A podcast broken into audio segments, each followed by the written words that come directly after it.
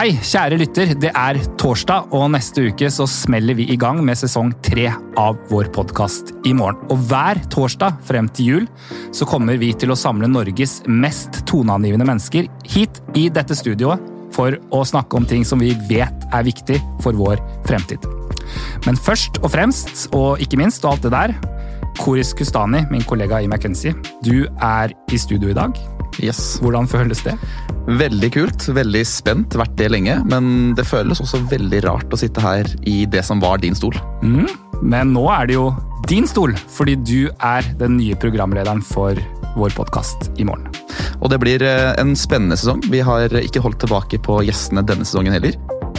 Hadde vi laget en sånn teoretisk plan om nedstenging av Norge fire år før, så hadde den planen vært lagt i skuff og lagt vekk. For de hadde bare sagt det er ikke realistisk, det kommer vi aldri til å gjøre. Hadde jeg fått begrensninger på tid, så hadde jeg antagelig sneket meg inn på kontoret midt på natten. Altså, det, er liksom litt sånn, det, det ville jeg synes var enda større tvangstrøye enn det motsatte. De mest verdifulle initiativene jeg har tatt tror jeg, opp gjennom tiden i Askeladden, har vært når jeg har vært på ferie. Når jeg har vært helt off. En fantastisk gjesteliste i et forrykende tempo, korist. Dette blir bra. Absolutt. Og første episode den kommer faktisk allerede 24.11.